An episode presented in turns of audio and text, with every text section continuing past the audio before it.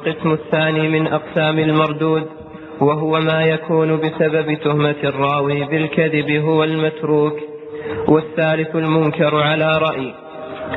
والثالث المنكر على رأي من لا يشترط في المنكر قيد المخالفة وكذا الرابع والخامس فمن فحش غلطه أو كثرت غفلته أو ظهر فسقه فحديثه منكر.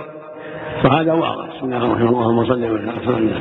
تقدم أن من عرف بالكذب باي بأي وجه سمى خبره موضوع سواء كان بتصريحه أو بغير ذلك من الأدلة الدالة على كذب خبره. هذا موضوع مكذوب. والثاني متروك من يتهم بالكذب يسمى حديث متروك.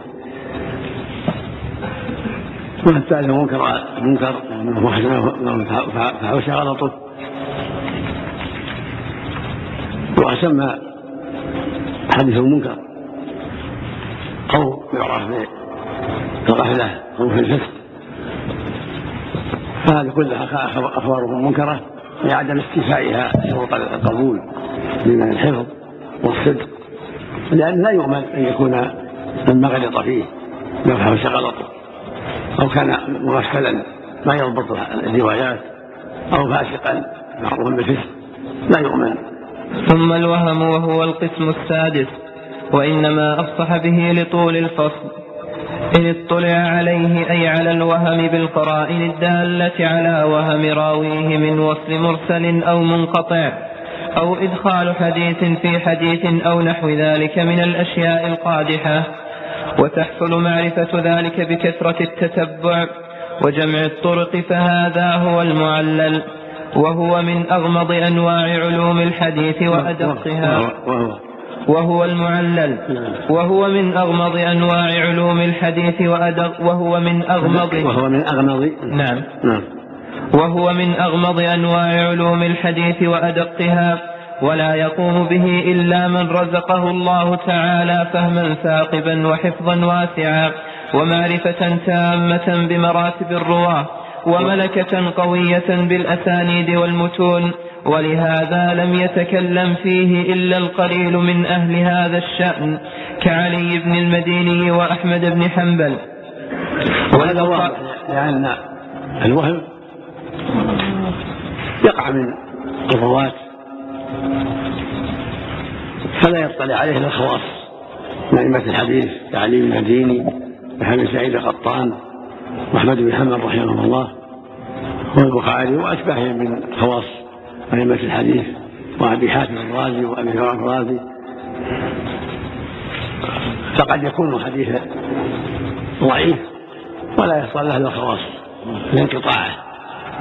قد يظن انه متصل ثم يعرف الخواص أنه منقطع وأن الراوي لم يسمعه من شيخه أو لم يجد شيخه أو وهم فابدا كلمة بكلمة. فيعرف بالقرائن وتتبع الطرق. فإذا اتبع طرق الرواية اتضح لعالم الحديث ما فيه من العلة من انقطاع أو إرسال أو وهم. أو قلب كلمة أو ما أشبه ذلك مما قد يقع ببعض الرواة. نعم. الله ولهذا لم يتكلم فيه إلا القليل من أهل هذا الشأن كعلي بن المديني وأحمد بن حنبل والبخاري ويعقوب بن شيبة وأبي حاتم وأبي زرعة والدار قطني وقد تقصر عبارة المعلل عن إقامة الحجة على دعواه. كالصيرفي في نقد الدينار والدرهم. ثم المخالفة. المقصود أنه قد تقصر عبارة عن إيضاح يحكم عليه بأن المعلل قد تقصر عبارة عن الإيضاح لكنه جزم به لأنه اتضح له من الطرق. ويقال معلل هذا الأكثر. ويقال معلول. هو معلول معلول بعلة كذا لأنه وهم فيه لأنه رفعه الوقوف لأنه وصله منقطع فالعلة اتضحت من طريق فلان قاله أبو حاتم قاله أبو زرعة قاله أبو فايد ما أشبه ذلك. فيقال له معلل. يعني قد أبدي فيه علة. معلول به علة أيضا. لكن من معلم وعلة هو معلل. وما معلوم من علل فهو معلول. ويصح عنده معلل وعلة وعلة بكذا وكذا. كالمريض المعل بعلة مرض. فهذا نوع من مرض في الإسناد أو في المتن. نعم. معلل. معلل يقال معلل ومعلل لكن مثل معلول دون هذا قد يستعمل هذا من أجل هذا قد يستعمل معلول أيضا. لكن عندهم معلل ومعلل. بالفك بالفك والإدغام. نعم. الله نعم. قولها معلل. من أعلة أعلة فهو معلل ومن أكرم فهو مكرم. وأرسل فهو مرسل. صلى الله عليه إذا وجد إسناد ظاهره الصحة ونص إمام معتبر على أنه معلوم ولم يذكر دليل. يكون ضعيف. إذا كان بين العلة ضعيف الهدم ضعفه فلان إذا كان في شك يتبع تبع الرواية. نعم. صلى الله عليه نعم. أهل العلل في كتبهم على حديث لأنه معلوم. ولكن وجد الطريق فيها حسن. هذا بالتتبع قد يعله قوم قد يعله أبو حاتم ثم تسوي العلة بطريق بسند آخر. ثم المخالفة إن كانت بتغيير السياق فمدرج شرح شرح الله عليه ثم المخالفة وهو القسم السابع. إن كانت واقعة بسبب تغيير السياق أي سياق الإسناد فالواقع في ذلك فيه ذلك التغيير هو مدرج الإسناد وهو أقسام. الأول أن يروي جماعة الحديث بأسانيد مختلفة فيرويه عنهم راو فيجمع الكل فيجمع الكل على إسناد واحد من تلك الأسانيد ولا يبين الاختلاف.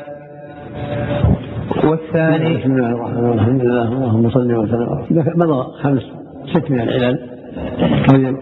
الراوي تمت بذلك غلطه غفلته وسطه ووهمه في بعض الروايات. والسابع المخالفة. قد يكون العله أن خالف الثقات. في الروايه في رواية الاسانيد فهذا يسمى مدرج الإسلام. مثل بتغيير السياق بأن كان الحديث له اسانيد ثم جاء وراوي جمعها على واحد. هذا يسمى مطلق أدرج في الرواية ما ليس منها.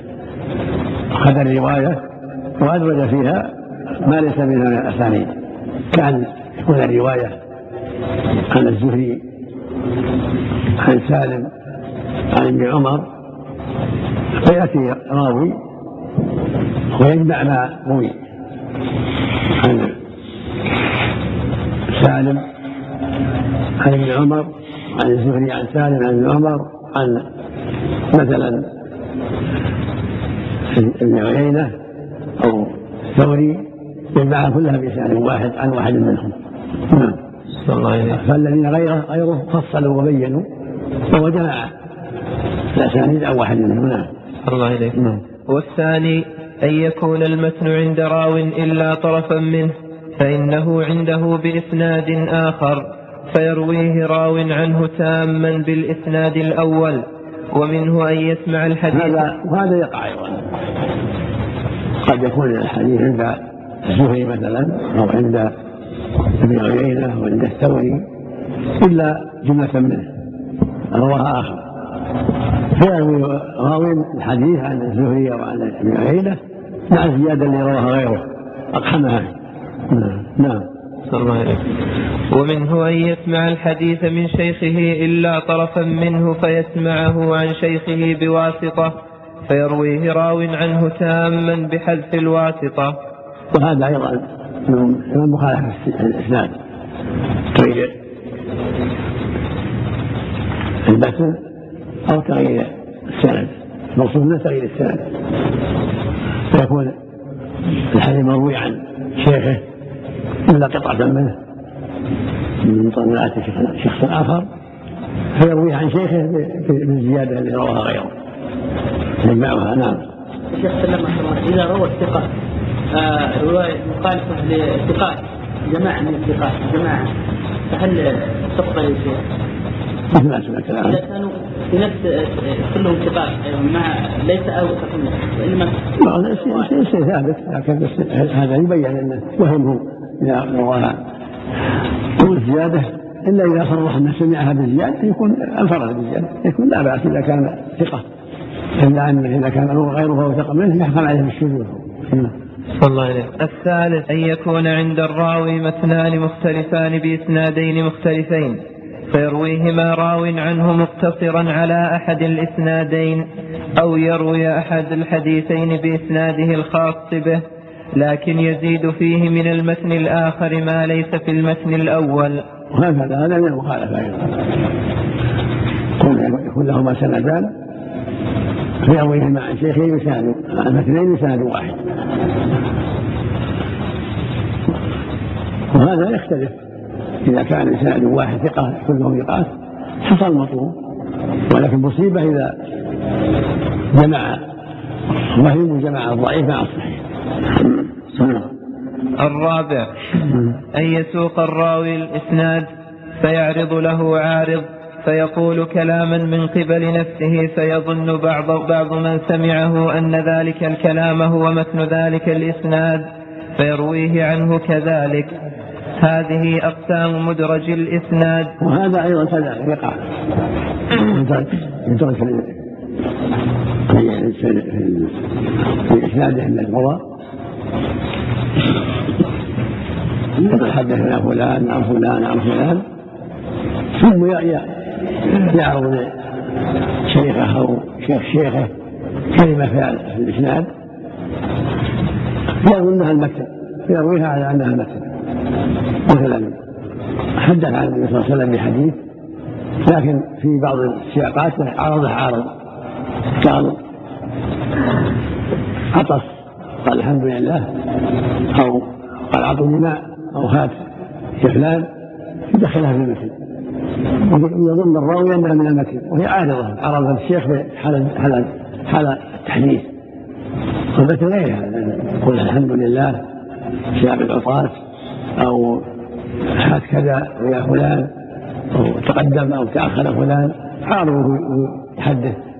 في بعض المرات يدخلها يرى مسلم تظن انها من كلام من كلام النبي صلى الله عليه وسلم أو من كلام الشخص الذي روي عنه الحديث. وليس الأمر كذلك. وإنما شيء عرض للراوي فلم يصل له الراوي عنه لغفلته أو لأسباب أخرى. نعم.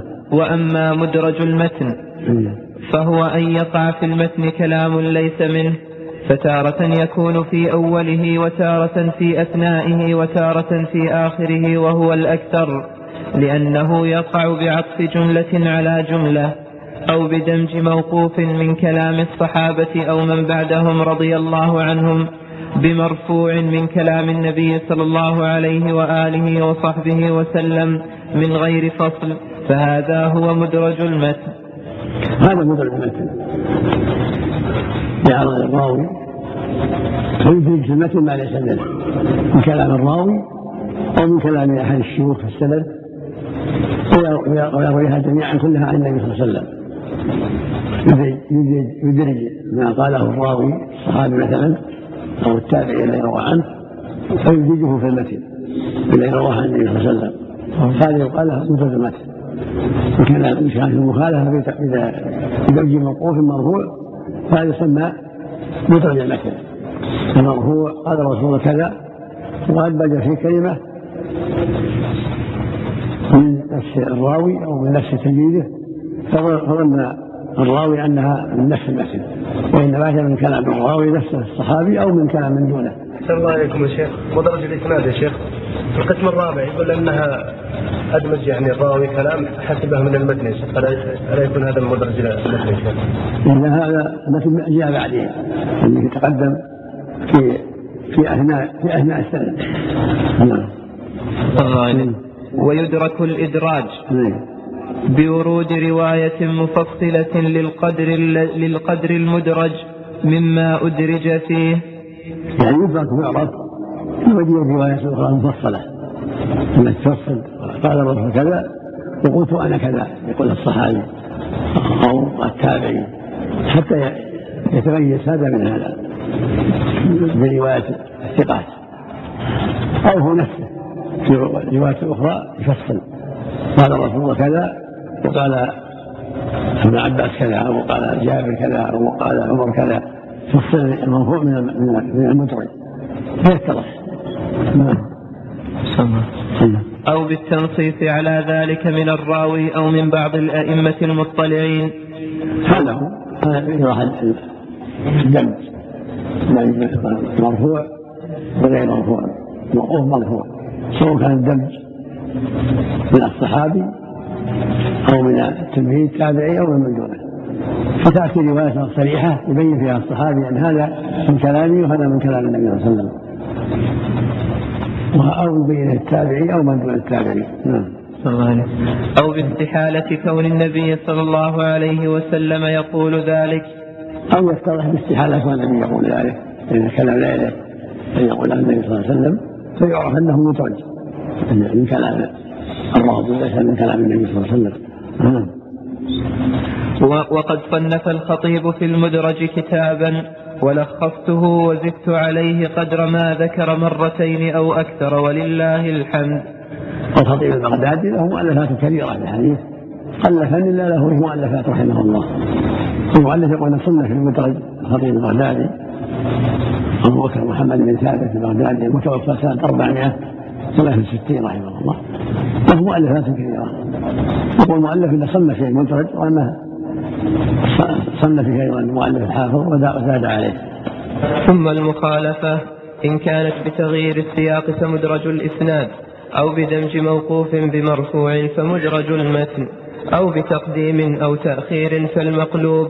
أو بزيادة راو فالمزيد في متصل الأسانيد. أو بإبداله ولا مرجح فالمضطرب وقد يقع الإبدال عمدا امتحانا. أو بتغيير مع بقاء السياق فالمصحف والمحرف. ولا يجوز تعمد تغيير المتن بالنقص والمرادف إلا لعالم بما يحيل بما يحيل المعاني.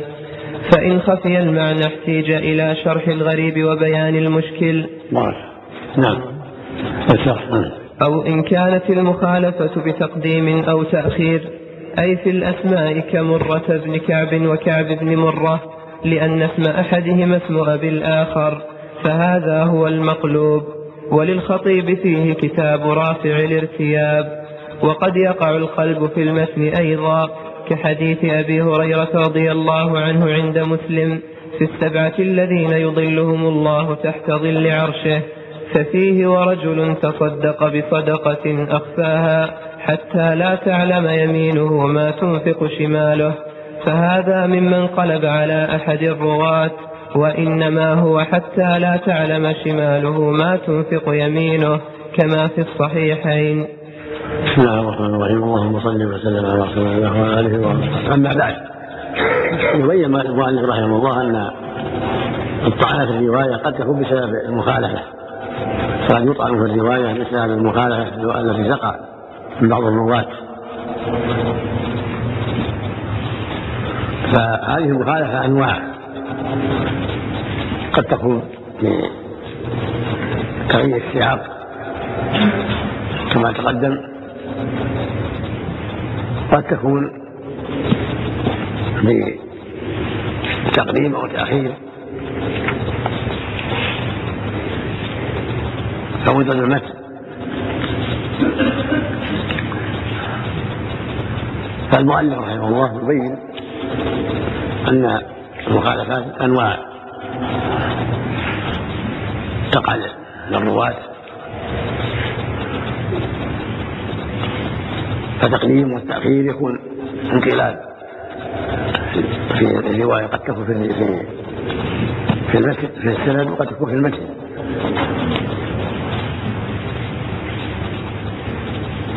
ويقال مقروب الخطيب به. معلق رحمه الله سمى كشف الارتياب ما يتعلق بالانقلاب قد يكون هذا في السند مثل كعب مرة مرة بن كعب مثل تقديم. الشيخ على التلميذ ينقلب على الراوي. فيأتي الحافظ الآخر فيبين ويوضح هذا الانقلاب. ونبين الصواب؟ قد يكون في المسجد. أيضا مثل ما مثل المؤلف. حديث السبع يظلم الله في ظلته انقلب على بعض المرات السادس من قوله وتصدق بصدقة فأخفاها حتى لا تعلم شماله ما تنفق يمينه. فانقلب عليه وقال لا تعلم يمينه ما تنفق شماله. والنفاق باليمين بالشمال فانقلب عليه. مثل ما وقع لبعض الرواة. ويبقى في الجنة فضل فيسر الله له أقوام فيدخلهم الجنة فانقلب على الرواة قال ويبقى في النار فضل فيسر الله له أقوام. هذا غلط. نعم. أو إن كانت المخالفة بزيادة راو في أثناء الإسناد. ولم يزدها أتقن ممن زادها فهذا هو المزيد في متصل الأسانيد. وشرطه أن يقع التصريح بالسماع في موضع الزيادة. وإلا فمتى كان معنعنا مثلا ترجحت الزيادة؟ وهذا يقع كثيرا. وهو المزيد متصل الأسانيد. وهذا أسبابه الغالب أن الراوي قد يروي عن زيد عن عمرو. ثم يسهل الله له لقاء عمرو. شيخ شيخ فيسمع منه. فيعلم حينئذ انه مزيد من ثابت مثلا يروي عن ابن عمر عن النبي صلى الله عليه وسلم أنه سمعت عبد الله وكان قد سمعه من سالم عن سالم عن ابن عمر. ثم لقي ابن عمر فسمعه منه. فتكون روايته عن سالم عن ابن عمر من المزيد في منتصف الثاني إذا صرح بالسماع ومثل يروي عن الأوزاعي عن الزهري مثلا في حياة الزهري ثم يسهل الله له لقاء الزهري فيسمع منه. تكون رواية الأوزاعي عن الزهري المزيد منتصف الأسانيد. هذا إذا صرح بالسماع أما إذا كان بالعنعنة فالزيادة حينئذ لها شأن معتبرة لأنها تزيد الشبهة. نعم. الله عليكم. أو إن كانت المخالفة بإبداله أي الراوي ولا مرجح لإحدى الروايتين على الأخرى فهذا هو المضطرب. وهو يقع في الإسناد غالبا وقد يقع في المتن. لكن قل أن يحكم المحدث على الحديث بالاضطراب بالنسبة إلى الاختلاف في المتن دون الإسناد. وهذا قد يقع أيضا في إبدال الراوي ولا مرجح المضطرب كان يروي زيد عن فلان عن الزهري ثم يأتي آخر ويروي عن آخر عن الزهري.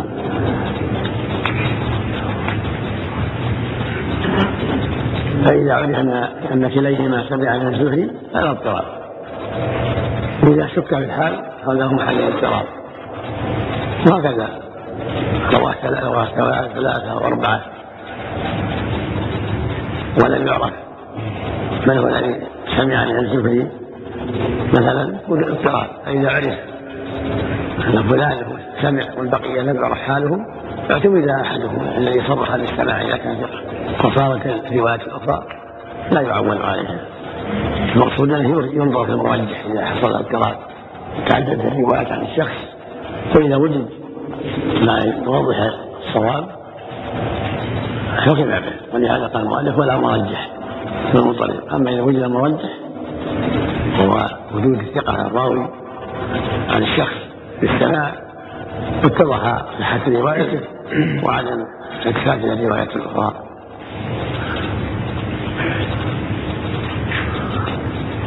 وهذا كثير ما يقع في الأسانيد. قد يقع في المتن يروي جماعة بلفظ ويروي آخر بلفظ آخر. فحينئذ يعتنى بالثقة. فتعتمد رواية الثقة المعروف وتلغى رواية غير الثقة. نعم. الله عليكم وقد يقع الإبدال عمدا لمن يراد اختبار حفظه امتحانا من فاعله كما وقع للبخاري والعقيلي وغيرهما وشرطه ألا يستمر عليه بل ينتهي بانتهاء الحاجة. فلو وقع الإبدال عمدا هذا قد يقع قد يقع الإبدال امتحانا. من الشيخ لبعض تلاميذه يقلب لهم الأسانيد ليرى ليعرف ذكاءهم وحفظهم وبصيرتهم ثم يزول الإشكال لا يبقى لكن ينتهي لهم كما يرى البخاري والعقيلي وغيرهما. يقول لتلاميذه روى فلان عن فلان عن فلان عن فلان روى فلان عن فلان قيم يقدم ويأخر حتى يعرف. حلقهم وفطنتهم فيقول حينئذ الحاذق منه لا ليس الامر كذلك الرواية كذا والرواية كذا والرواية كذا. وبعضهم يلتبس عليه. المقصود أنه يغير لهم الأسانيد يرتب لهم اسانيد لا حقيقة لها ليمتحنهم هل هي صحيحة؟ وهل مثل هذا يروي عن هذا وهذا يروي عن هذا؟ فيتبين. الحاذق من غيره والبصير من غيره. فلو وقع الإبدال عمدا لا لمصلحة بل للإغراب مثلا فهو من أقسام الموضوع ولو وقع غلطا فهو من المقلوب أو المعلل. نعم إذا كان غلط فهو من المقلوب وإلا معلل إلا وهم فيها وغير صار وهما منه. أما إذا كان بقصد الامتحان والتوجيه ثم ثم يزيل اللبس ويبين له بالأحسان الصحيحة فلا حرج. في ذلك يعني شيء مؤقت ثم يزول أو إن كانت المخالفة بتغيير حرف أو حروف مع بقاء صورة الخط في السياق فإن كانت فإن كان ذلك بالنسبة إلى النقط فالمصحف وإن كان بالنسبة إلى الشكل فالمحرف ومعرفة هذا النوع مهمة وقد صنف فيه العسكري والدار قطني وغيرهما. وهذا يقع كثيرا. التقسيم والتصحيح والتحريف كان بالنقط صار صح. وكان بالشكل بالرفع والنص صار محرف قد يقع هذا كثيرا. عتبة وعينة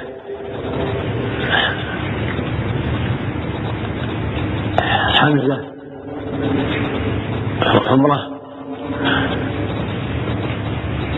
يزيد بويد عثمان عتبان. يقع هكذا. قد يقع في جهة التحريف الشكل فينصب المرفوع ويرفع المنصوب لا يسمى هذا تحريف لكن يكون. إذا كان من في عتبان وعثمان صحت وإذا كان بالرفع والنصب تغيير الإعراب فالمحرف نعم. وأكثر ما يقع في المتون وقد يقع في الأسماء التي في الأسانيد. يقع في الأسانيد ويقع في الأسانيد. التحريف والتصحيح يقع في هذا وهذا نعم. ولا يجوز تعمد تغيير صورة ولا, ولا يعرف إلا بالدراسة والعناية جمع الأسانيد جمع المتون حتى يتبين التحريف والتصحيح بعد جمع الروايات والعناية بها. ولا يجوز تعمد تغيير المتن بالنقص والمرادف إلا لعالم بما يحيل المعاني. فإن خفي المعنى احتيج إلى شرح الغريب وبيان المشكل. بسم الله الرحمن الرحيم. بسم الله الرحمن الرحيم. صل على محمد. لا يجوز الرواة ولا غيرهم. تعمد تغيير المتن متن الحديث بالنقص منه. أو المراد في كلمة بدل كلمة. إلا لعالم بين المعاني. لأن قد ينقص يتعلق بالباقي. ويختل المعنى. بل يجب أن يروي الحديث على ما هو عليه تاما كاملا إلا إذا كان الراوي يفهم يعلم فنقص بعض بعض الحديث وأتى بالشاهد فلا بأس. فإذا كان الحديث يشتمل على جمل وأتى بجملة من الشاهد فإن لا يضر. مثل قول صلى الله عليه وسلم إنما الأعمال بالنيات جملة في تامة. فإذا أتى بجملة تامة فلا حرج عند الحاجة الاستشهاد. وهكذا الأحاديث التي فيها جمل لا مانع من أن يختصر بالشاهد إذا كان من يعرف ويفهم من أهل العلم. ولا يجوز التخذ المرادف الكلمة بدل كلمة إلا إذا كان من أهل العلم والبصيرة بالحديث واللغة العربية. نعم. الله إليك الشرح نعم. ولا يجوز تعمد تغيير صورة المتن مطلقا ولا الاختصار منه بالنقص ولا ولا إبدال اللفظ المرادف باللفظ المرادف له إلا لعالم بمدلولات الألفاظ وبما يحيل المعاني على الصحيح في المسألتين. نعم. أما اختصار الحديث فالأكثرون على جوازه بشرط أن يكون الذي يختصره عالما لأن العالم لا ينقص من الحديث إلا ما لا تعلق له بما يبقيه منه بحيث لا, بحيث لا تختلف الدلالة ولا يختل البيان حتى يكون المذكور والمحذوف بمنزلة خبرين أو يدل ما ذكره على ما حذفه بخلاف الجاهل. فإنه قد ينقص ما له تعلق كترك الاستثناء. نعم. الجاهل قد ينقص. لابد يكون المختصر من أهل العلم والبصيرة حتى يذكر الشاهد تاما ولا يحدث شيء يتعلق بالوجود المذكور فيختل المعنى.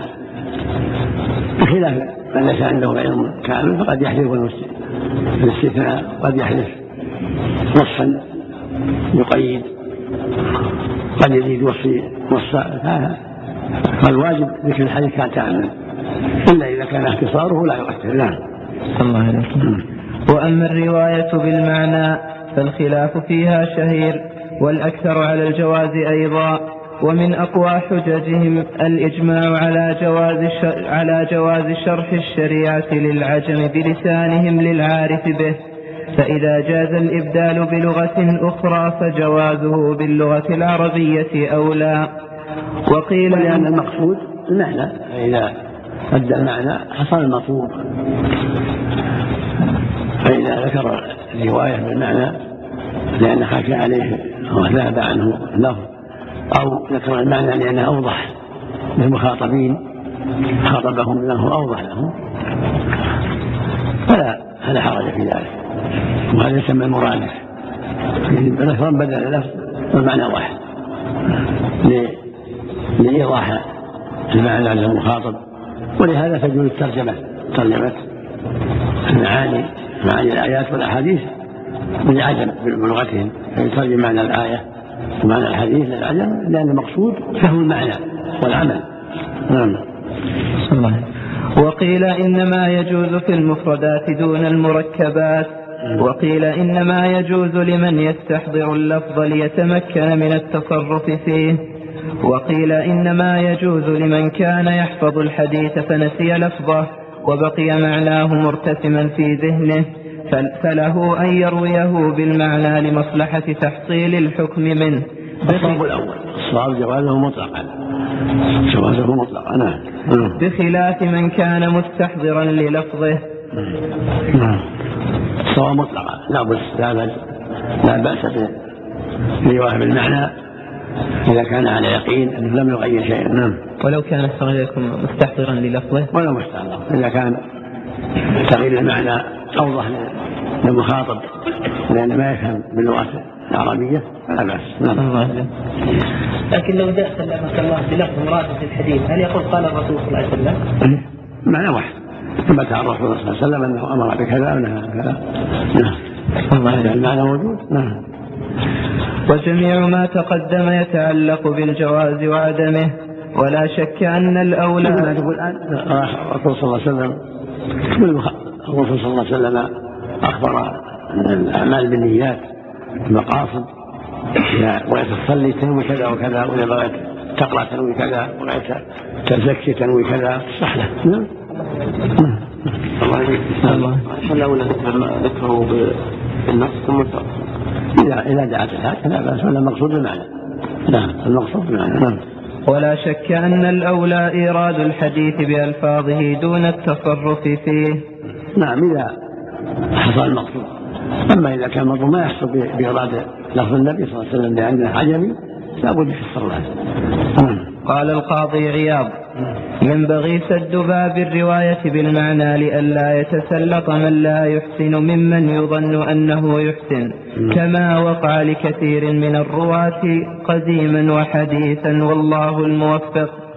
فإن خفي المعنى بأن كان اللفظ مستعملا بقلة احتيج إلى الكتب المصنفة في شرح الغريب. ككتاب أبي عبيد القاسم بن سلام وهو غير مرتب وقد رتبه الشيخ موفق الدين بن قدامة على الحروف. وأجمع منه كتاب أبي عبيد الهروي وقد اعتنى به الحافظ أبو موسى المديني فنقب عليه واستدرك. وللزمخشري كتاب اسمه الفائق حسن الترتيب. ثم جمع الجميع ابن الأثير في النهاية. وكتابه أسهل الكتب تناولا مع إعواز قليل فيه. وإن كان اللفظ مستعمل هذا مثل ما قال المؤلف إذا أشكل على المحدث أو على طالب العلم يراجع كتب الغريب. أشكل على المعنى يراجع مثل هذا الكتب كتاب عبيد القاسم بن سلام كتاب الهروي النهاية قاموس تاج العروس مثال العرب يراجع كتب الشام. إذا خشي عليه المعنى لا يعجل يراجع كتب اللغة حتى يفهم. كتب التفسير في الآيات شرح الأحاديث لا يعجل حتى يتبصر. نعم. وإن كان اللفظ مستعملا بكثرة لكن في مد لكن في مدلوله دقة احتيج إلى الكتب المصنفة في شرح معاني الأخبار وبيان المشكل منها وقد أكثر الأئمة من التصانيف في ذلك كالطحاوي والخطابي وابن عبد البر وغيرهم. ثم الجهالة بالراوي. الله. المقصود إن طالب العلم لا لا لا إذا أشكل عليه صحة الحديث راجع كتب التخريج أشكل عليه المعنى كلمة الغريبة يراجع كتب الغريب شروح الحديث يكون عنده عناية. حتى لا يقدم على أمر انه في شك. بل يتبصر ويتثبت في كل شيء. نعم. لا المبتدئ عليه بالاختصار لا لكن كيف تلتبس عليه الأمور؟ عليه حفظ المتون مراجعة الكتب القريبه التي ما فيها إشكال يعني معناها واضح فيما يتعلق بمثل قراءته. لأن إذا دخل كتب وسعه تلتبس عليه الأمور. ثم الجهالة وسببها أن الراوي قد تكثر نعوته. فيذكر بغير ما اشتهر به لغرض وصنفوا فيه الموضح وقد يكون مقلا فلا يكثر الأخذ عنه وصنفوا فيه الوحدان أو لا يسمى اختصارا. وفيه المبهمات ولا يقبل المبهم ولو أبهم بلفظ التعديل على الأصح. فإن سمي وانفرد واحد عنه فمجهول العين أو اثنان فصاعدا ولم يوثق. فمجهول الحال وهو المستور. بسم الله الرحمن الرحيم اللهم صل على محمد هذا طعن سابع في الاسانيد وقدم عشرة من كان الراوي وتهمته بذلك غلطه أو غفلته أو فسقه أو خامه أو مخالفته أو جهالته. هي جهالة. قد يطعن في السند. يعني في الحديث. لجهاله بعض الرواة. والجهل قد يكون له أسباب. قد تكون نعوته فينكر الراوي بغير ما اشتهر به. فيكون مجهول حينئذ حتى يدرس وينظر فيه ويكثر الحظر قد ترى يسمى العرج ترى يسمى الأعمش ترى يسمى كذا ترى يسمى كذا. فيشتبه. وصنفوا فيه الموضح التخفيف ويقال موضح لكن الموضح التخفيف من أوضح يوضح يعني. يعني صنفوا في كتب موضحة للرواة وألقابهم وصفاتهم. وقد يكون مقلا فيطلب الأخبار عنه مصنفه فيه الوحدان كما صنف موسى في ذلك. يعني رواة العمارة وعنهم إلا واحد. فإن سمي قد يكون مجهولا سموا فيه صنفه فيه المبهمات فإذا سمي الراوي وفرد واحد عنه هذا يقال مجهول العين. إلا أن يوثق ما يأتي. فإن روى عنه اثنان فصاعدا ولكن لم يوثق ومجهول الحال وقال المستور لكن إذا سمي ولم يروي عنه إلا واحد فإنه قال مجهول العين. إلا أن يوثق. فإذا وثق في الشرط يوثق روى عن مثلا أبو حاتم وثقه روى عن أحمد وثقه روى عن مثلا القطان وثقه روى عن مالك وثقه صار معروفا نعم. الله عليك ثم الجهالة بالراوي وهي السبب الثامن في الطعن وسببها أمران. أحدهما أن الراوي قد تكثر نعوته من اسم أو كنية أو لقب أو صفة أو حرفة أو نسب فيشتهر بشيء منها فيذكر بغير ما اشتهر به لغرض من الأغراض فيظن أنه آخر فيحصل الجهل بحاله وصنفوا فيه أي في هذا النوع الموضح لأوهام الجمع والتفريق نعم. أجاد فيه الخطيب وسبقه إليه عبد الغني ابن سعيد المصري وهو الأزدي ثم الصوري. وهذا واقع. لأن الرواة يكون لهم أماكن كثيرة.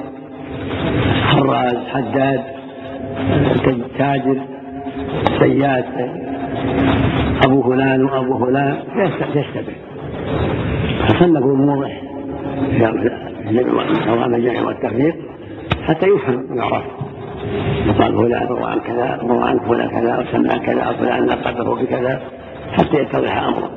وهذا واقع في كتب كثيرة. يكون اشتهر بأنه مثلا العرج أو اشتهر بأنه أبو أبو عبد الله. ثم يرويه واحد بأبي محمد أو يرويه بالأمس أو يرويه بالحداد فيشتبه فإذا فتش عنه ترك نعم. ومن أمثلته محمد بن السائب بن بشر الكلبي نسبه بعضهم إلى جده فقال محمد بن بشر وسماه بعضهم حماد بن حماد بن حماد بن السائب وكناه بعضهم أبا النضر وبعضهم أبا سعيد وبعضهم أبا هشام فصار يظن أنه جماعة وهو واحد. ومن لا يعرف حقيقة الأمر فيه لا يعرف شيئا من ذلك. مثل محمد بن سعيد قال هو ضعيف. ما يحتج به لكن كثرت نعوته أوصافه. وصفاته فاشتبه. لا بعض الناس لا. والأمر الثاني أن الراوي قد يكون مقلا من الحديث فلا يكثر الأخذ عنه. وقد صنفوا فيه الوحدان. وهو من لم يروي عنه إلا واحد ولو سمي فممن جمعه مسلم مسلم والحسن بن سفيان وغيرهما. وهذا كذلك المقل يشتبه على الناس بقلة روايته. فيخفى أمره على غالب الناس. وصلى به مسلم وغيره ببيان صفاته ورواياته وثقته وعدالته أو عدم ذلك حتى يشتبه امره حتى يتضح امره وفي مسلم وفي غيره أفراد من ذلك. نعم. الله أو لا يسمى الراوي اختصارا من الراوي عنه كقوله أخبرني فلان أو شيخ أو رجل أو بعضهم أو ابن فلان.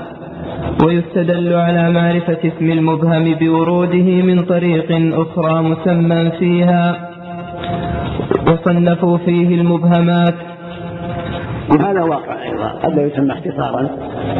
حدثني رجل أو حدثني من أثق به أو حدثني ابن عبد لي أو حدثني سهري أو ثم يأتي من ينقب عنه حتى يوضح. يوضح هذا الرجل. ويعرف هل هو ثقة أو هو ثقة. نعم. ولا يقبل حديث المبهم ما لم يسم لأن شرط قبول الخبر عدالة راويه ومن أبهم اسمه لا تعرف عينه فكيف تعرف عدالته؟ المبهم لا تقبل روايته ولا يحتج رجل أو ابن فلان أو مولى فلان أو في ذلك لا يحتج به لأنه لا تعرف عدالة فكيف تعرف عدالة ما دام لا تعرف عينه كيف تعرف عدالة المبهمات لا يحتج فإذا كان في السنة رجل بني رجل أو مولى بني فلان أو مولى فلان أو لم يسمى ولا يعرف. لا يحتج يكون حديث ضعيف من هذا الطريق. حتى يسمى ويعرف أنه ثقة نعم. الله وكذا لا يقبل خبره ولو أبهم بلفظ التعديل. كان يقول الراوي عنه أخبرني الثقة لأنه قد يكون ثقة عنده مجروحا عند غيره. وهذا على الأصح في المسألة. لا يقبل مبهم ولو ولو عدل لأن قد يكون ثقة عند من عد له مجروحا عند غيره. وإذا قال أخبرني الثقة أو من لا أتهم ما يكون الحديث صحيح. لأن قد يكون عنده ثقة ولكن عند غيره مجروحا فإذا قال مثلا الزهري حدثني ثقة أو قال سفيان حدثني ثقة أو قال أحمد حدثني ثقة أو من يثق به لا يقبل. حتى يصرح له ويعرف أنه معدل. ولهذه النكتة لم يقبل المرسل. نعم. ولو أرسله العدل جازما به لاحتمال لهذا الاحتمال بعينه. وقيل يقبل تمسكا بالظاهر إذ الجرح على خلاف الأصل. وقيل لهذه العلة لا يقبل المرسل. لهذه العلة. وأن المرسل قد يكون أرسله عن تابعي آخر. فإذا قال مجاهد قال رسول الله أو قال سعيد بن جبير قال رسول الله أو قال أبو صالح السمان قال رسول الله لا يقبل. لأن التابعي هذا قد يكون نقل عن تابعي آخر. مو عن صحابي. والعلة موجودة فلهذا لا يقبل. المراسيل ضعيفة. حتى يصرح. المرسل من؟ من روى عنه. هل روى عن صحابي؟ أو عن ثقة عن صحابي؟ نعم. الله عليكم. وقيل يقبل تمسكا بالظاهر إذ الجرح على خلاف الأصل. وقيل والصواب الأول. وأن لا يقبل حتى حتى يبين. هذا هو الصواب. لأن الواجب الاحتياط للدين والحذر من التساهل في أمر الدين فلا يجب على الناس شيء أو يسحب لهم شيء أو يحرم عليهم شيء إلا بالدليل. لأن الله يقول جل وعلا فإن تنازعتم في شيء فردوه إلى الله والرسول. ويقول فاختموا اختلفتم في شيء فحكمه إلى الله. ولا نعرف أنه من حكم الله ولا أنه عن الرسول إلا من طريق الثقات الله عليكم وقيل إن كان القائل عالما أجزأ ذلك في حقه في حق من يوافقه في مذهبه. وهذا ليس من مباحث علوم الحديث والله الموفق. وقيل إنه يكون حجة في بالنسبة إلى من؟ يقلد ذلك الإمام. فإذا قال أحمد حدثني ثقة احتج به الحنابلة وإذا قال مالك كذلك المالكية والصواب خلاف ذلك أو لا لا يعتبر لا عند أصحابه ولا عند غيرهم هذا هو الصواب. فإن سمي وانفرد واحد عنه فمجهول العين أو اثنان فصاعدا ولم يشرح الله فإن سمي نعم. فإن سمي الراوي وانفرد راو واحد بالرواية عنه فهو مجهول العين. كالمبهم فلا يقبل حديثه إلا أن يوثقه غير من ينفرد عنه على الأصح. وكذا من ينفرد عنه إذا كان متأهلا لذلك. هذا هو الصواب. بسم الله والصلاة والسلام. فإذا سمي الراوي وانفرد واحد عنه فإن سمى مجهول العين. لابد من اثنين فإذا روى فلان وكيع أو غيره أحمد أو غيره عن شخص. أو لم يروي عنه غيره يسمى مجهول العين إلا إذا وثقه. من رواه عنه وهو أهل لذلك. كان يروي عن أحمد يوثقه يروي عن مكيع ويوثقه شعبة ويوثقه أو يوثقه غيره. غير من روى عنه. زالت عن الجهالة نعم. الله. أو إن روى عنه اثنان فصاعدا ولم يوثق فهو مجهول الحال. يعني إذا روى عنه اثنان ولم يوثق. فهذا يسمى مجهول الحال. ويسمى المستور. شخص روى عنه اثنان ولم يوثقان ولم يوثقه آخر. هذا يسمى مجهول الحال ويسمى المستور. فإن وثق سألت عنه. الجهالة صار معروف الحال. ما وثقه بعض الأئمة. نعم. فهو مجهول الحال وهو المستور. وقد قبل روايته جماعة بغير قيد وردها الجمهور. والتحقيق أن رواية المستور ونحوه مما فيه الاحتمال لا يطلق القول بردها ولا بقبولها بل هي موقوفة إلى استبانة حاله كما جزم به إمام الحرمين. ونحوه قول ابن الصلاح في من جرح بجرح غير مفسر. هذا هو الصواب المستور يكون موقوف إن جعل الشواهد صار من باب الحسن لغيره. وإن لم يكن له شواهد فهو ضعيف. إلا أن يوثق. إذا وثقه من يعتمد سألت عنه جهالة الحال. وهذا كثير في كتب الرجال في التحريم والتحريم. ثم البدعة إما بمكفر أو بمفسق. فالأول لا يقبل صاحبها الجمهور والثاني يقبل من لم يكن داعية إلى بدعته في الأصح إلا إن روى ما يقوي بدعته فيرد على المختار وبه صرح الجوزقاني شيخ النسائي. بسم الله الرحمن الرحيم. اللهم صل على محمد. هذا الطعن التاسع. البدعة. إذا كان الرجل مبتدع. هذا من المطاعن في رد روايته. والبدعة تختلف. قد تكون مكفرة قد تكون مفسقة. فإذا كانت بدعته مكفرة لم يقبل. كالجهمية ومعتزلة لا تقبل روايته ولا كرامة. عند جمهور أهل العلم. أما المفسقة كبدعة الإرجاء تأويل بعض الصفات فهذه يقبل بما لا يكون مقويا لبدعته. إذا روى وهو معروف بالصدق والأمانة يقبل تقبل روايته. إلا في الشيء الذي يقوي بدعته فلا. مثل الشرح نعم. ثم البدعة وهي السبب التاسع من أسباب الطعن في الراوي وهي إما أن تكون بمكفر كأن يعتقد ما يستلزم الكفر أو بمفسق فالأول لا يقبل صاحبها الجمهور وقيل يقبل مطلقا وقيل إن كان لا يعتقد حل الكذب لنصرة مقالته قبل. هذا الصواب الأول لا يقبل مطلقا ولا كرامة لأن في قبوله ترويجا لحاله وقد يغتر به الناس فيقبلون منه ما ابتدعه فلا يقبل. ولو كان يستحي الكذب كالخوارج. لكن لا يقبل لكن في قبول الرواية ترويجا لحاله وتمشية لحاله قد يغتر به الناس قد يقبلون منه بالعجل نعم. هذا ليس من الدعاة. هذا صدق؟ نعم. والتحقيق أنه لا يرد كل مكفر ببدعته لأن كل طائفة تدعي أن مخالفيها مبتدعة وقد تبالغ فتكفر مخالفها. فلو, أخ فلو أخذ ذلك على الإطلاق لاستلزم تكفير جميع الطوائف. فالمعتمد أن الذي ترد روايته من أنكر أمرا متواترا من الشرع معلوما من الدين بالضرورة. وكذا من اعتقد عكسه.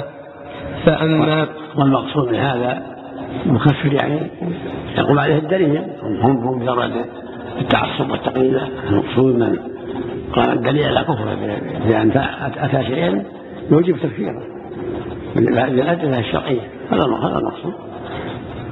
أما متابعة هواه وأن لهواه أو لمخالفة محلة لا. المهم أن تكون البدعة مكفرة من جهة الدليل. نعم. فأما من لم يكن بهذه الصفة وانضم إلى ذلك ضبطه لما يرويه مع ورعه وتقواه فلا مانع من قبوله.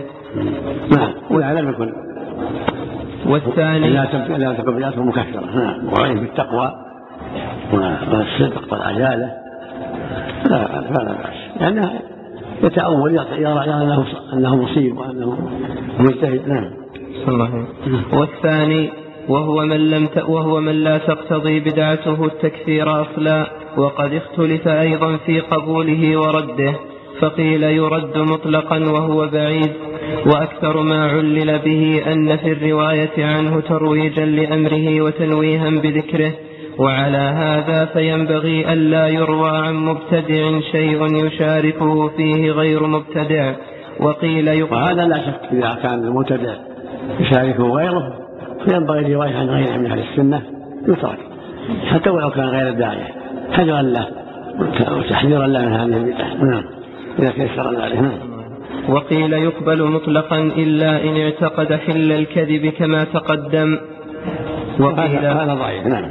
وقيل يقبل من لم يكن داعية إلى بدعته لأن تزيين بدعته قد يحمله على تحريف الروايات وتسويتها على ما يقتضيه مذهبه وهذا في الأصح. وأغرب ابن حبان فادعى الاتفاق على قبول غير الداعية من غير تفصيل. نعم الأكثر على قبول غير الداعية إلا إن روى ما يقوي بدعته فيرد على المذهب المختار وبه صرح الحافظ وبه صرح الحافظ أبو إسحاق إبراهيم بن يعقوب الجوزجاني شيخ أبي داود والنسائي. هذا هو الصواب. إذا كان لا تقوي بدعته ومعروف بالصدق والاستقامة لا بأس في كتابه معرفة الرجال فقال في وصف الرواة ومنهم زائغ عن الحق أي عن السنة صادق اللهجة فليس فيه حيلة إلا أن يؤخذ من حديثه ما لا يكون منكرا إذا لم يقو به بدعته. انتهى. وما قاله متجه لأن العلة التي لها رد حديث الداعية واردة في فيما إذا كان ظاهر المروي يوافق مذهب المبتدع. المبتدع الله إليكم لأن العلة التي لها رد حديث الداعية واردة فيما إذا كان ظاهر المروي يوافق مذهب المبتدع ولو لم يكن داعية والله أعلم. ثم سوء الحفظ إن كان لازما فهو الشاذ على رأي أو طارئا فالمختلط. ومتى توبع سيء الحفظ بمعتبر؟ نعم. وكذا المستور والمرسل والمدلس. والمرسل والمدلس. الله أحسن نعم. الحديث المرسل. متى توبع السيء كالمعتبر وكان المستور. رد المستور والمدلس معتبر. صار حديث حسن ذلك. نعم. ما يكون على الحديث؟ لا لا. سفال صار حديثهم حسنا لا لذاته بل بال... صار حديثهم ما صار؟ صار صاروا. صار حديثهم. حديث مدلس يعني. والله نعم. صار حديثهم حسنا لا لذاته بل بالمجموع. ثم الإسناد. بسم الله الرحمن الرحيم. اللهم صل على محمد. هذا الطعن العاشر من الطعون في الحديث. الحديث يرد الأمرين لأحد أمرين إما لسقط وإما لطعن. إما سقط في إسناده وهو الانقطاع أو الإضلال أو كونه معلق أو غير ذلك من أنواع السقط. فيكون الحديث ضعيفا لكونه منقطعا أو لكونه مرسلا أو لكونه معضلا أو لكونه معلقا. هذا يقال له السقط رد الحديث لسقط فيه لانقطاع فيه. والعلة الأخرى الطعن رد الحديث لطعن فيه. لا لسقط. السند تام. لكن وجد طعن في السند. بأنواع من الطعن طعن العشرة التي تقدمت. من بعد كذب الراوي أو تهمته بذلك أو وهش غلطه أو غفلته أو قسطه أو وهمه أو مخالفته أو جهالته أو بدعته أو سوء هذا العاشر ثم الحفظ تارة يكون لازما تارة يكون طارئا. فاللازم يسمى يسمى شاذ يسمى ضعيف. إذا كان سوء الحفظ لازما له. أو بسوء الحفظ. من أصله سيء الحفظ ضعيف الحفظ. قال حديث الشاذ يبقى ضعيف.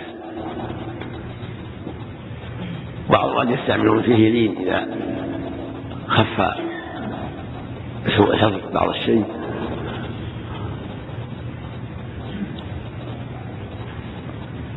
وإن كان طارئا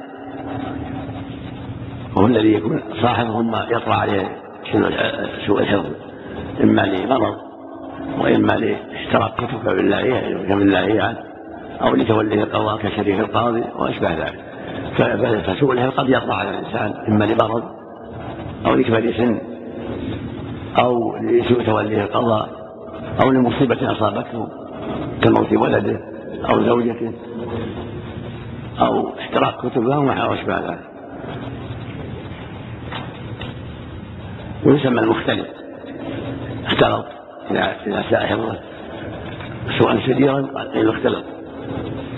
وإن كان ليس بكثير قيل ساء حفظه ساء حفظه فقط. فإن اشتد سوء الحفظ قيل اختلط. ولا تقبل روايته لأن حينئذ لا يضبط. صار لا يضبط.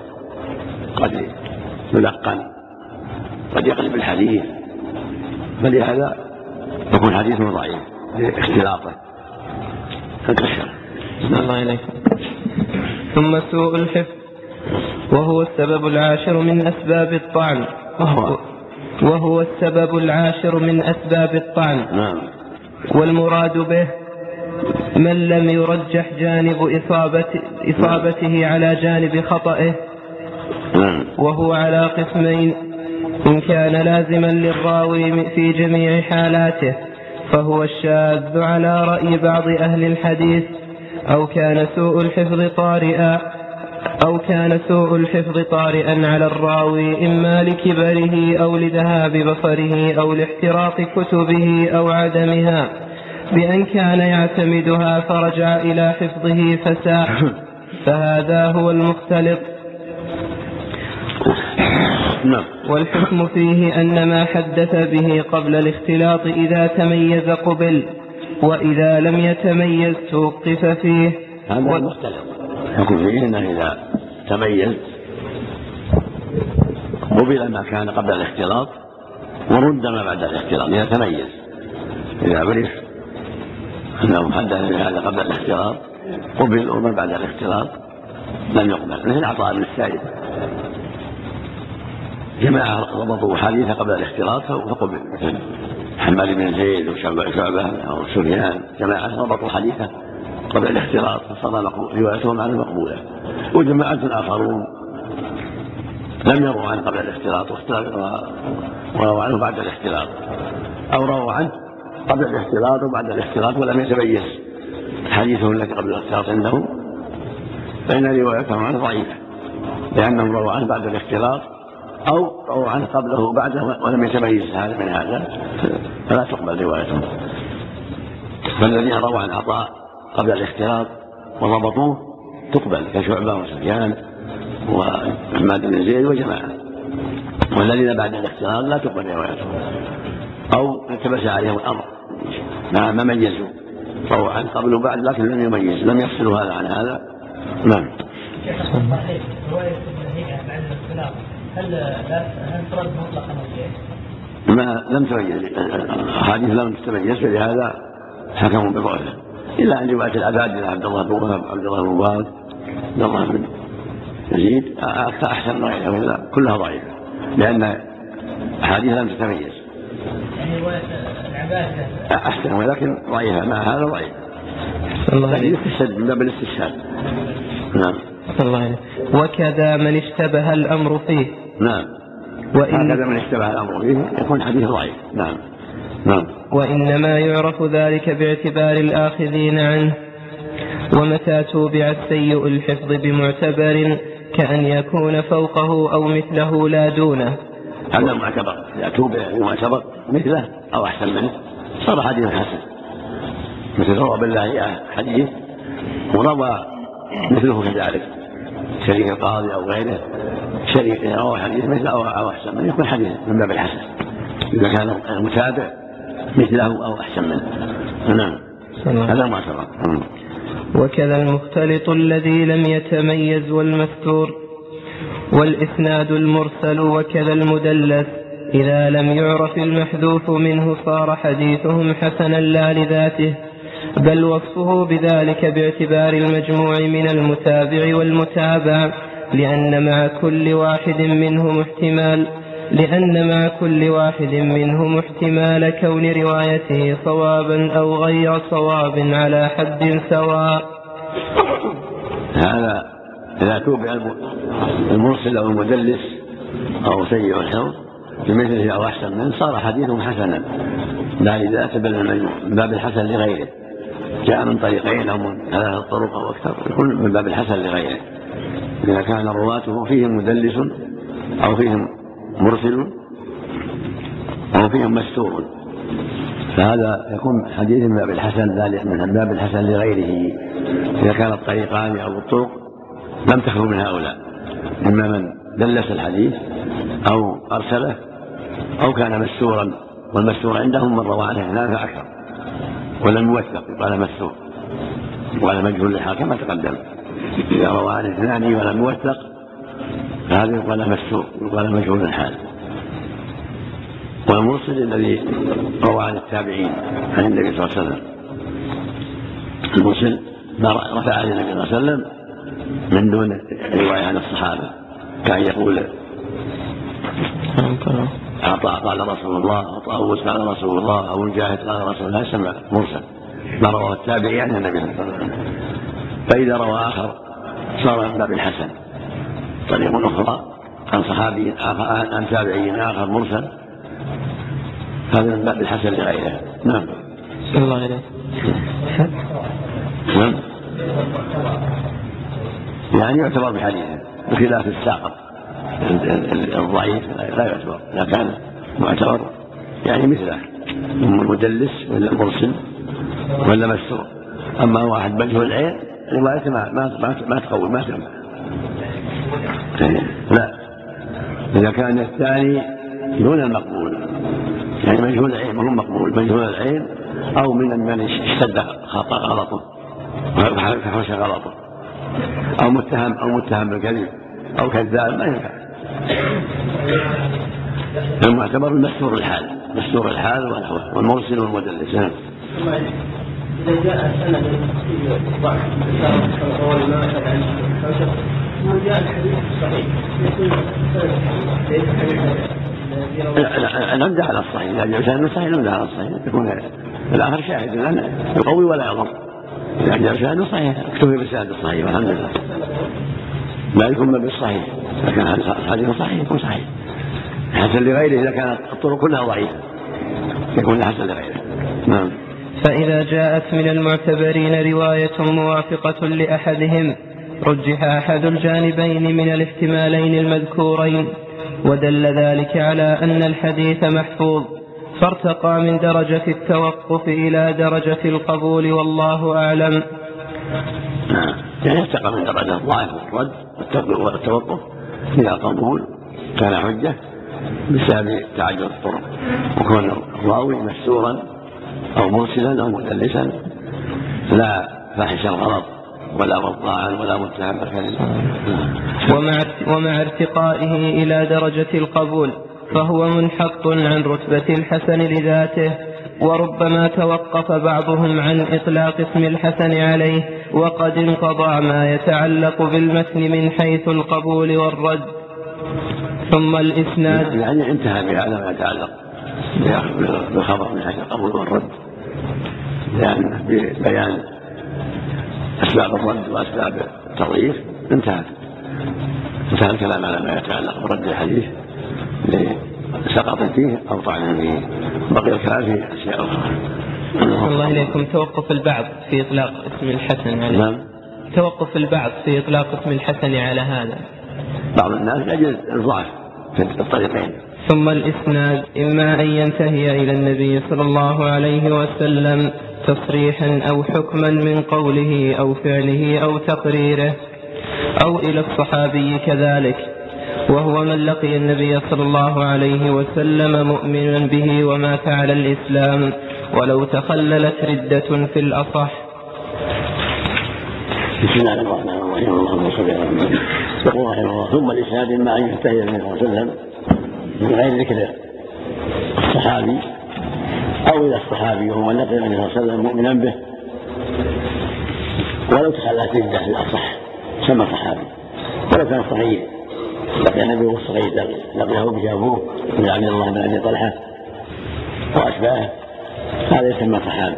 ولو ارتد ثم رجع إلى الإسلام لا تلزم الصحبه كما جرى لسان بن قيس وآخرين هذا يسمى مرفوع النبي صلى الله عليه وسلم تارة بواسطة الصحابي وتارة في يحرم السند كله. تارة يذكر الصحابي تارة يذكر التابعي مع الصحابي تارة يسوقه بالإسلام. نعم. أو إلى التابعين وهو من لقي الصحابي كذلك فالأول. من لقي الصحابي وهو مسلم. هذا يقال التابعي كابن المسيب وعطاء بن رباح والطاووس وغيره نعم. فالأول المرفوع والثاني الموقوف والثالث المقطوع ومن دون الصحابي فيه مثله. ويقال للأخ يقال لمنتهي النبي صلى الله عليه وسلم مرفوع ومنتهي للصحابي فقط يقال الموقوف. ومنتهي للتابعي وما دونه يقال المقطوع.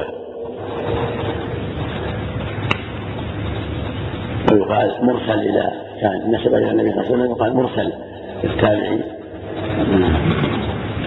إذا حدث الصحابي سمى مرسلا. وإذا كان كلام التابعي فهو مقطوع. نعم. ويقال للأخيرين الأثر. ويسمى الخبر عن الصحابة وعن التابعين الأثر. ويقال المعروف عن النبي صلى الله عليه وسلم مرفوع أحاديث.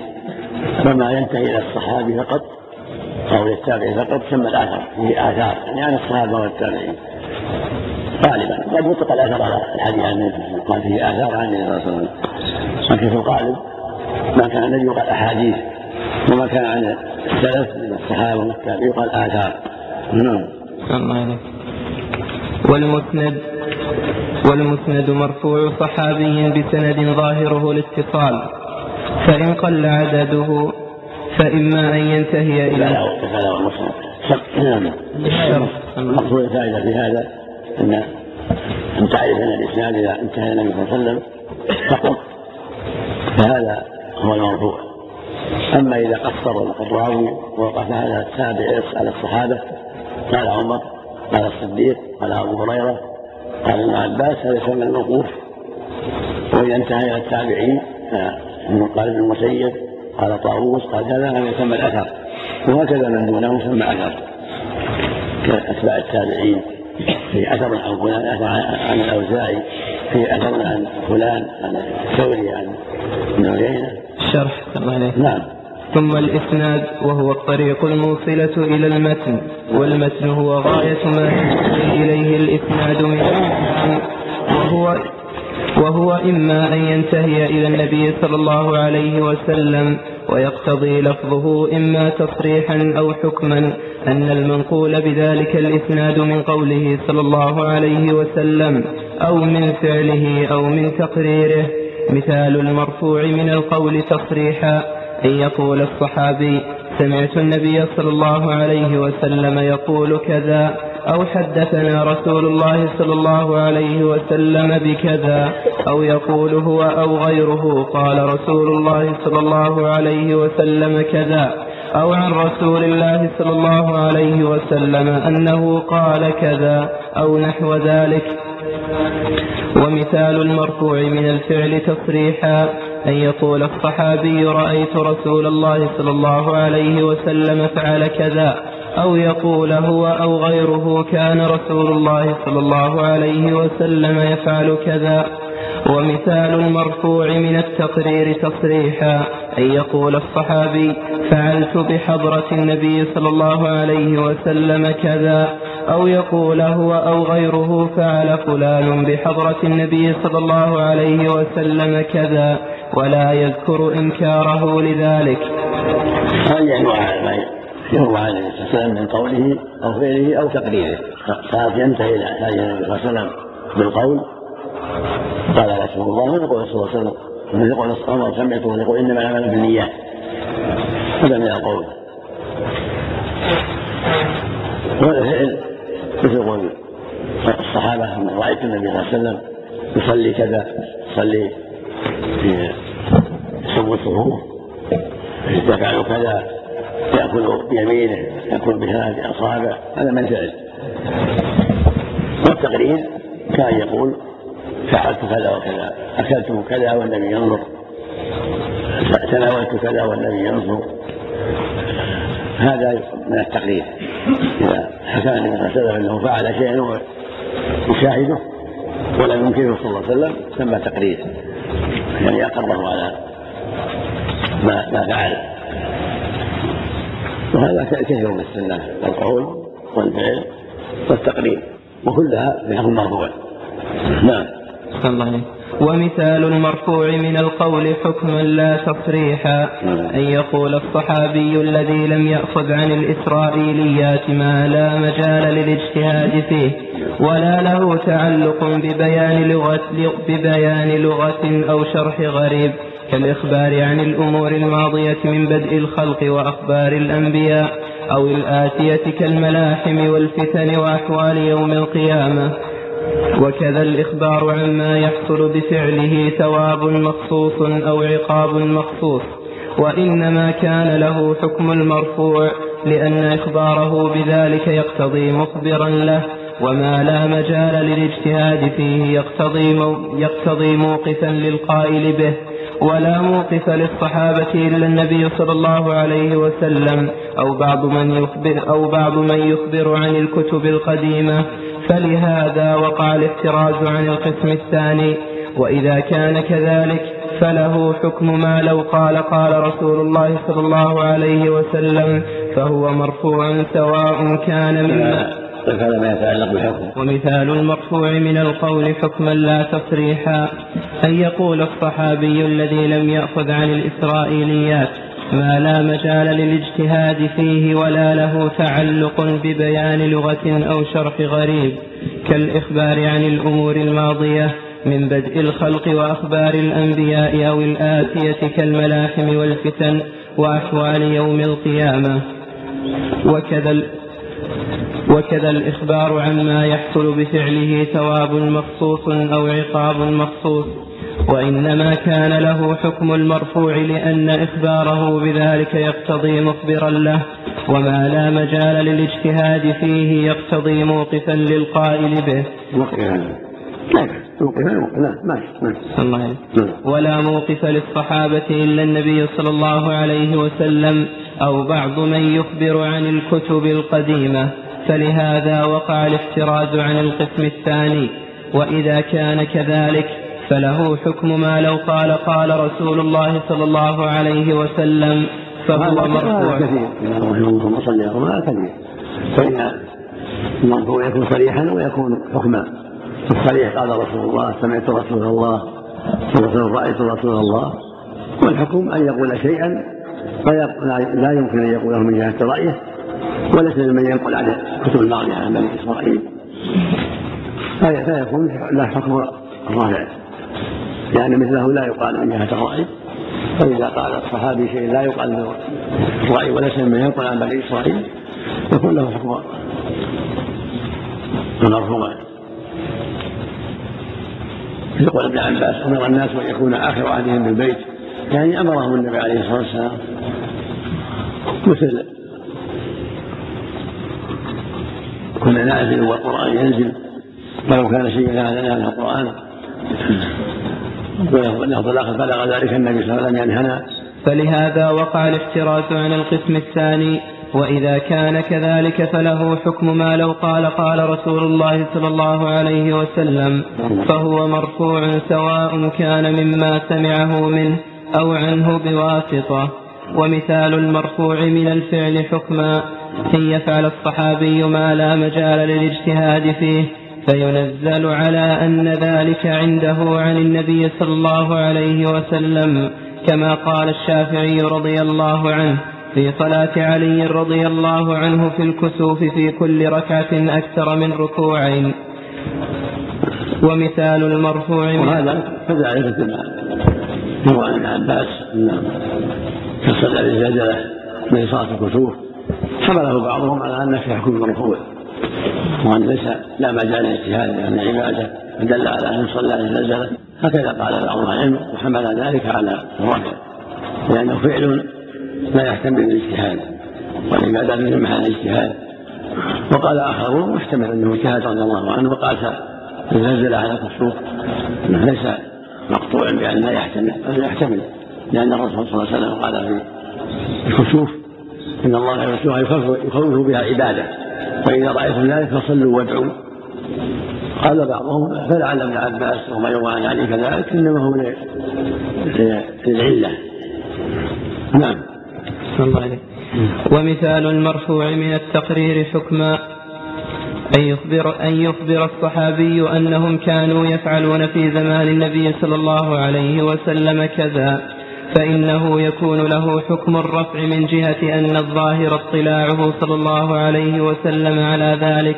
مثل ما تقدم. كنا نعزل والقرآن ينزل نعم. لتوفر دواعيهم على سؤاله عن أمور دينهم ولأن ذلك الزمان زمان نزول الوحي فلا يقع من الصحابة فعل شيء ويستمرون عليه إلا وهو غير ممنوع الفعل. وقد استدل جابر وأبو سعيد الخدري رضي الله عنهما على جواز العزل بأنهم كانوا يفعلونه والقرآن ينزل ولو كان مما ينهى عنه لنهى عنه القرآن. ويلتحق بقولي حكما ما ورد بصيغة الكناية في موضع الصيغ الصريحة بالنسبة إليه صلى الله عليه وسلم كقول التابعي عن الصحابي يرفع الحديث أو يرويه أو ينميه أو رواية أو يبلغ به أو رواه. وقد يقتصرون على القول مع حذف القائل ويريدون به النبي صلى الله عليه وسلم كقول ابن سيرين عن أبي هريرة رضي الله عنه قال قال تقاتلون قوما الحديث. يعني كرر قال؟ قال إشارة إلى قال قال رسول الله. هكذا مثل ما تقدم. عن عن فلان يرفع يرفعه ينميه يبلغ به النبي صلى الله عليه وسلم رواية. معناها الإشارة إلى أنه مرفوع هذا يعرف من تتبع. في روايات عن الصحابة رضي الله عنهم وأرضاهم. واصطلاحهم فأخذها أصحاب المصطلح ونبهوا عليها. من هذا ما قال قول العراقي رحمه الله في الألفية؟ وقولهم يرفعه يبلغ به. رواية ينميه رفعا فانتبه. نعم. الله يلك. نعم.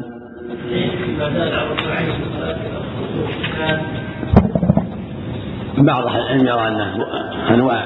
ان الكسوف جاءت على أنواع ركوعين وثلاث ركوعات وأربع وخمس. يعني خمس قراءات خمس ركوعات. أما السجود ما تكرر سجدتين. وقال آخرون الصواب ركوعان فقط وقراءتان. كما في الصحيحين من حديث ابن عباس وغيره. وعائشة. قالوا ما زاد على هذا هو وهم من بعض الرواة وليس بصحيح. وهذا رأي البخاري والجماعة رحمة الله عليهم. ما زاد لأن الواقعة واحدة. الكسوف وقع في اليوم اللي مات فيه إبراهيم. فقال الناس كتبت الشمس موت إبراهيم. فقال إن الشمس والقمر آيتان من آيات الله. لا ينخسف موت أحد الناس ولا لحياته فإذا رأيتم ذلك فصلوا وادعوا. وقام وصلى ركعتين بقراءتين وركوعين وسجدتين. قالوا فهذا يدل على أن الواقع واحدة. وأصح ما روي قراءتان وركوعان وسجدتان صحيحين. أما ثلاث ركوعات وأربع ركوعات هذه في صحيح مسلم خاصة. وأما خمس خمس ركوعات عند أبي داود والجماعة. قالوا فهذا وهم من بعض الرواة وإنما الصواب قراءتان وركوعان وسجدتان. هذا هو الأفضل والأحوط. وهو أخف على الناس وأيسر أيضا. نعم. نظر الأظهر عدم الصلاة فيها نعم. لعدم الدليل. نعم. نعم. ما في بأس. ثبت عندنا القراءة في بعض الصلوات وكررها في ركعتين عليه الصلاة والسلام. لكن الأفضل غالبا يطول فيها. يقول أبو بكر رضي الله عنه كان يقرأ الفجر بالستين إلى المئة.